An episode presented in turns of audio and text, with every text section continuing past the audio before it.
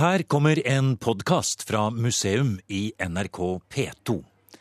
Denne gangen handler det om en reise til Gardarike og vikingenes Aldeigu-borg ved bredden av Ladogasjøen.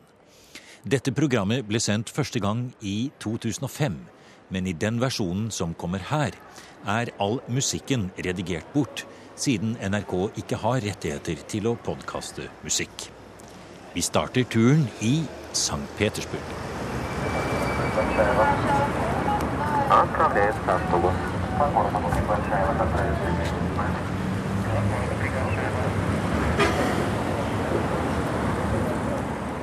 Det er heftig trafikk på Nevskij prospekt, den flere kilometer lange hovedgaten i St. Petersburg. Her går en blanding av totalt utrangerte lastebiler og lerete Volgar og ladar, produsert i Sovjetunionens glansdager, side om side med glitrende blankpolerte luksusbiler i øverste prisklasse. Man kan bokstavelig talt se hvordan den nye og den gamle økonomien kjemper om plassen. Nå er arkeolog Anne Stalsberg og jeg på vei til en av disse litt slitne Ladaene for å kaste oss ut i trafikken. Vi skal bli hentet av museet i Staroja Ladoga, for det er opp langs elvene Neva og Volkov vi skal i museum i dag. Vi skal til stedet hvor Gardariket begynte.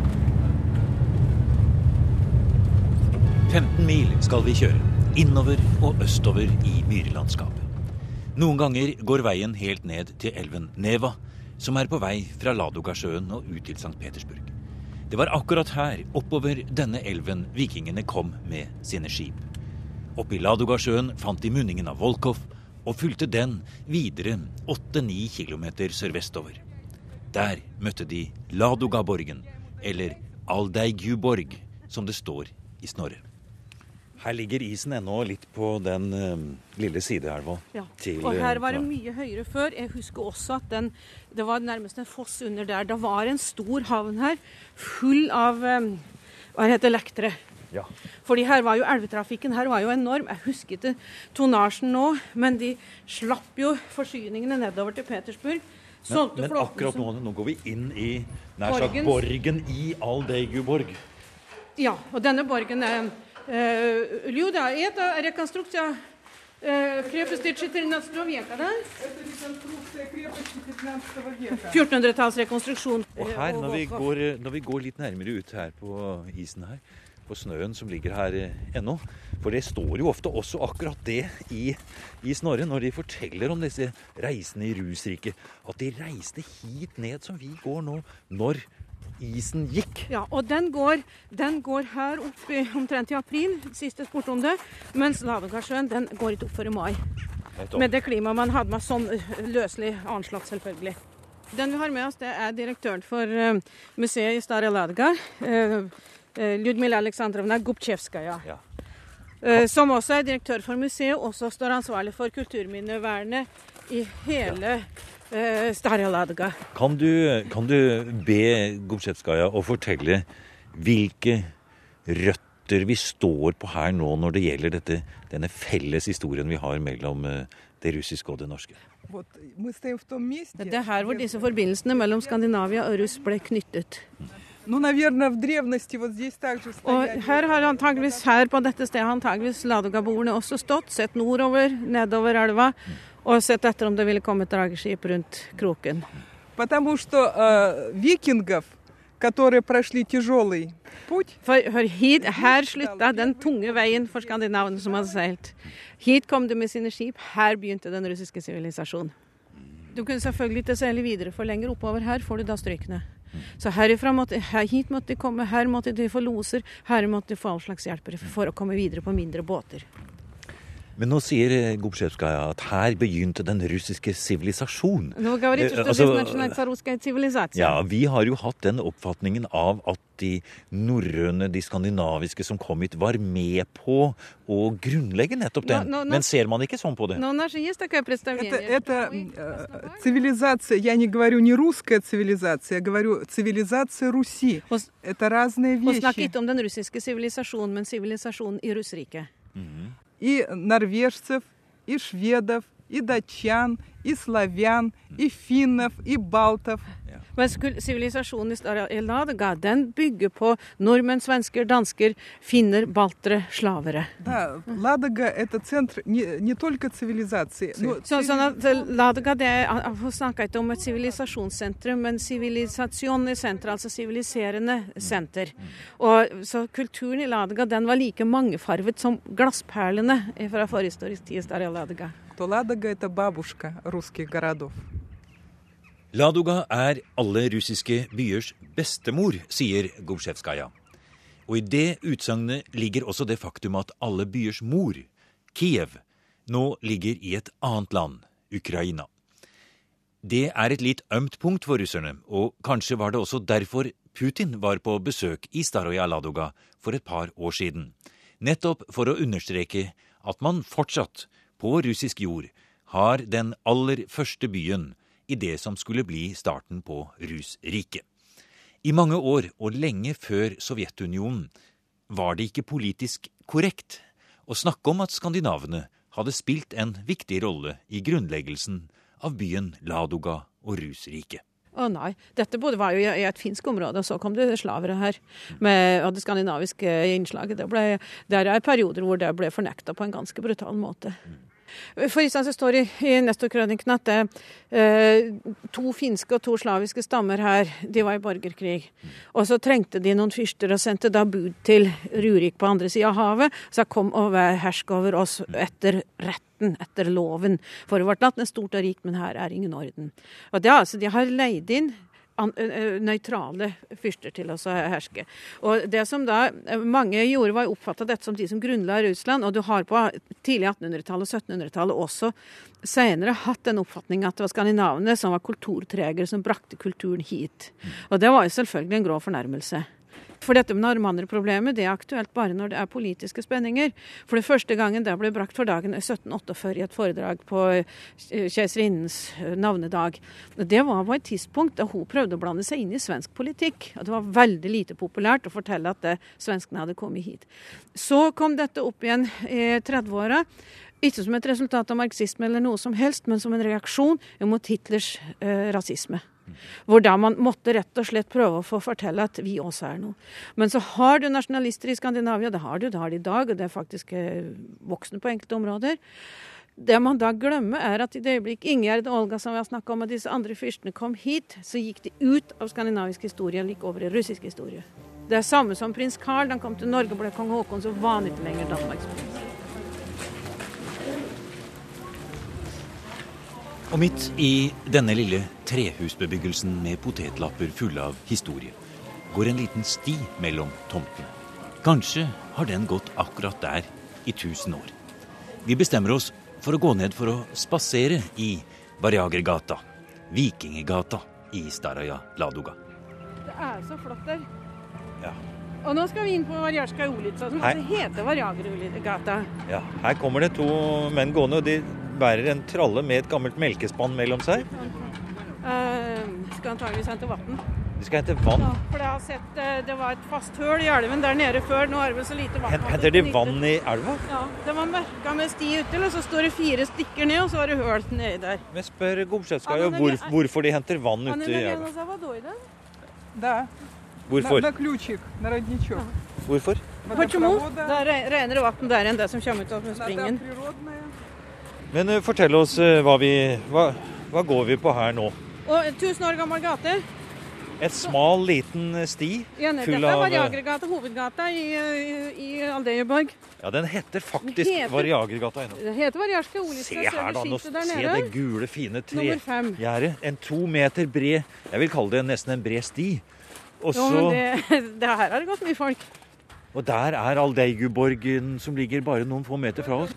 Тот, кто живет, Men den да. Smirnov som eier, der er vi postkontoret. Der Но er над det Варяжской улице веет российский флаг. Ja, det russiske flagget i, i Varjagergata. For huset her er malt i rødt, hvitt og blått. Novinka. Her er det lerete, snø, og dette tregjerdet, det faller snart ned. Nå er vi i Ja, Russland, men, altså. men, men но, но, но здесь кто-то живет сейчас. Og når, Там etter, живут. her, er, Etter her ser du, der bor det folk, og de har malt huset. Og sier at der ser du vår holdning til historien forandre seg. Ja, På hvilken måte mener vi at vi De har jo giddet å bry seg om å male huset. Gjerdet står jo rett opp og ned. Oh, ja, Det at man i hele tatt har malt huset, ja. Ja, det at man helt tatt har malt huset. Og her kommer vi ut i enden av Variaggata. Denne ja, vi, Anne, vi må snu oss her. Vi må se litt ned på den gata. Det var flott, da. Et bjerketre som vokser der. Snøen som ligger måka opp på begge sider. Ett smalt hus og de andre nedover. Variagergata. Her, her har vi eh, et grønt hus, et rødt hus, et hvitt stenhus, en liten park. Nå er det jo vanskelig å få tak i um, maling. ikke sant? Det huset der, det er universitetet i, Petersburg som eier. Er det det, ja? ja. Så ser vi jo en stor søppelfylling like ved her. Og eh, kråkene som flyr og lander oppi klosteret der borte. Borti klosteret der borte sto det en statue eh, Der sto det en liten statue av Lenin som liten gutt. Å, Som sto og lente seg på en støtte med bøker. Og den- Han sa jo at man må lære. Men så kapper man huet, og nå er hun borte. Her er vi tilbake i St. Petersburg, på baksiden av den store plassen foran Vinterpalasset, i en sidebygning til Eremitasjen. Like flott og imponerende. Men her er det ikke museum. Her holder det russiske vitenskapsakademiets institutt for den materielle kulturs historie til. Se det rommet her. Til eh, Kjempehøy eikedør. Se på den. Det her er spisesalen hans, tror jeg. Se, stor lysekron. Ja. Utstoppede er- jakttrofeer. Er er. Gyllenlærstapeter. Store ekekassetter i taket. Jaktmotiver. Fantastisk rom. Vanlige kontorer kan man neppe kalle dette. Her er det innredet lesesaler, bibliotek og arbeidsrom for forskerne i palasset som på begynnelsen av 1800-tallet ble bygget som bolig for tsar Nikolai den førstes sønn. Og bortsett fra at alt løst inventar, malerier og kunst på veggene er borte, ser det ut som om revolusjonen var i går. Ballsaler, spisesaler, sovegemakker og lange korridorer er innredet med skrivepulter. Seks meter under taket. Nesten ingen telefoner eller datamaskiner. Men her finner vi professor Anatolij Kirpisjnikov innerst inne i et slags glassbur på to ganger to meter. Bordet og gulvet er fylt til randen med papirer, bøker, artikler og kart. Og det var han som i sin tid åpnet dørene til den russiske arkeologi for Anne Statsberg. Vi, vi snakka akkurat om det nå, fordi jeg sier at han har kanskje ikke klar over at det var pga. han jeg fikk utvida mitt stipendium og var her et helt år. Mhm. For det var her i desember 67, og det var jo den meget ung Kirpitsjnikov. Mhm. Og så sier han at eh, du skal huske på en ting, det er vanskelig å komme hit, men er du her, så har våre dører åpne. Kanskje du kan også spørre Kirpisjnikov om eh, hvordan du var med synet på forskere og arkeologer som kom utenfra Russland i den helt første tiden da du var en av de aller første som kom inn her. Как вы шест- э, ну, в конце э, 60 Чрезвычайно затруднены.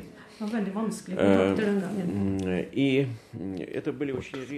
og det hadde, jeg fortalt, de hadde ofte snakka ofte om dette. at Hva hvis de inviterer en av dem hit? Så, så må, må, må dere fortelle oss etterpå hva dere snakka om. Og så tilbake til litt hvordan synet har endret seg på dette med at man identifiserer røttene til Russlands eldste by i, eh, som en delvis også påvirkning fra de skandinaviske norrøne områder. Как сейчас Да. что были там Да. skandinaviske э, Да. связи или влияния? Да, Ну, они были, но это были nичтожные влияния. Ja, Den gang så sa man at det var ingenting. Det var bare en ubetydelig bet, øh, påvirkning. Но вы сейчас, наверное, А сейчас мы хотим истину знать, истину akkurat som man sier i историческую. dag, vil vi ha sannheten. Og sannheten er I, И там Истина, at det- истина в то, что скандинавы все время Det var det торговали. at skandinavene seilte, de transporterte tonnevis med sølv fra Østen. De seilte gjennom Starja Ladgona, de skulle til Kaspia og Svartehavet og Volga og, og hele veien. Så etter hans mening har skandinavene hatt en stor og viktig betydning i byens historie. Так, так что... Оно очень значительно. И потом Знак не, потеряли. не будем забывать, что в 862 Hvilke konkrete funn vil Kirpisjnikov peke på når det gjelder en helt uomtvistelig norrøn-skandinavisk opprinnelse, som han eh, selv har eh, arbeidet med? Таких вещей много. Er Это, mange slike. да, это эм, прежде- Først og fremst er det ovale brosjene. ikke sant? да, эти броши, их там, Slutten av 9. og да, 10. århundre, og det må være rett og slett да, mange av. да, есть отдельные просто. Эту статью найду. Og, og så har de også se- senere år funnet eh, et støperi der de også har støpt eh, gjenstander i skandinavisk stil. Э, 3% plощади. 3, av, plass, av kulturlaget er gravd ut. Det er helt viktig, og det er jo beliggenheten også er i dag til Staria Ladga, så har du bevart 800-900-tall, nei 700- og 800-tall i en sånn kvalitet som du ikke har noe som helst sted ellers i Russland. Ikke i Novgorod, ikke i Kiev, ingen steder. Og så blander jeg meg inn og sier ikke Birka og Kaupang heller, for det, det, du Ja. så det er jo tjukke lag, ikke Ja. sant? Så det man da var i lite interessert i å anerkjenne i den sovjetiske tiden, som vi begynte med å snakke om, og man ønsket ikke å blande så mye inn disse utenlandske påvirkningene som vi nå snakker om, det er i dag et helt og fullt ut akseptert faktum, og som man arbeider etter også Tak, i tak, tak arkeologisk. что те иностранные влияния. Да, да, и без проблем. Хотя Jeg иногда... vil si at Nå er det jo faktisk helt åpent, og det er blitt en viss mote med å snakke om, eh, om skandinavisk innflytelse. Og som han sier, at til og med enkle kniver vil de jo nå føre fra Skandinavia. Антинорманизма у нас прорываются, есть. Det er som jeg sier, du har igjen sånne små høl. Antinormanistiske, hørte jeg han med, sa. Ja, med res, rester eh, av residuer. Residuer det betyr ja, det rester av, av eh, antinormanismen. Eh, Grabakov var høvdingen for antinormanismen. Og han sa at i, i Petersburg Nei Leningrad der har de bygget et reir av, av normanister. Og det er da hans elever, tidligere direktøren på Etnografisk og en del andre uh, Ja, min generasjon, faktisk. Mm idretturist. Si at Så lenge han lever, så får ingen lov å røre de gravene. For at de må bevares. fordi hva har man gjort før når man har grovet? Jo, man har sletta ut hele gravhaugen, og så forandres paysasjen. Men i denne nordlige gruppa med, med, med gravhauger, stokke, både, mm. som vi så så fint, der, skal det ikke graves. De kan rekonstruere en del av dem for å få opp de store, fine gravhaugene. Ja, ikke grave, la det være igjen en hemmelighet. Dette vil være interessant for turister. Og får lov å legge til, jeg er helt enig. Du har nå hørt programmet Museum fra NRK P2 i en versjon uten musikk. Museum sendes hver lørdag klokken 16 og på søndag morgen klokken 8 i P2. Adressen er museum.krøllalfa.nrk.no, og museum er nå også på Facebook.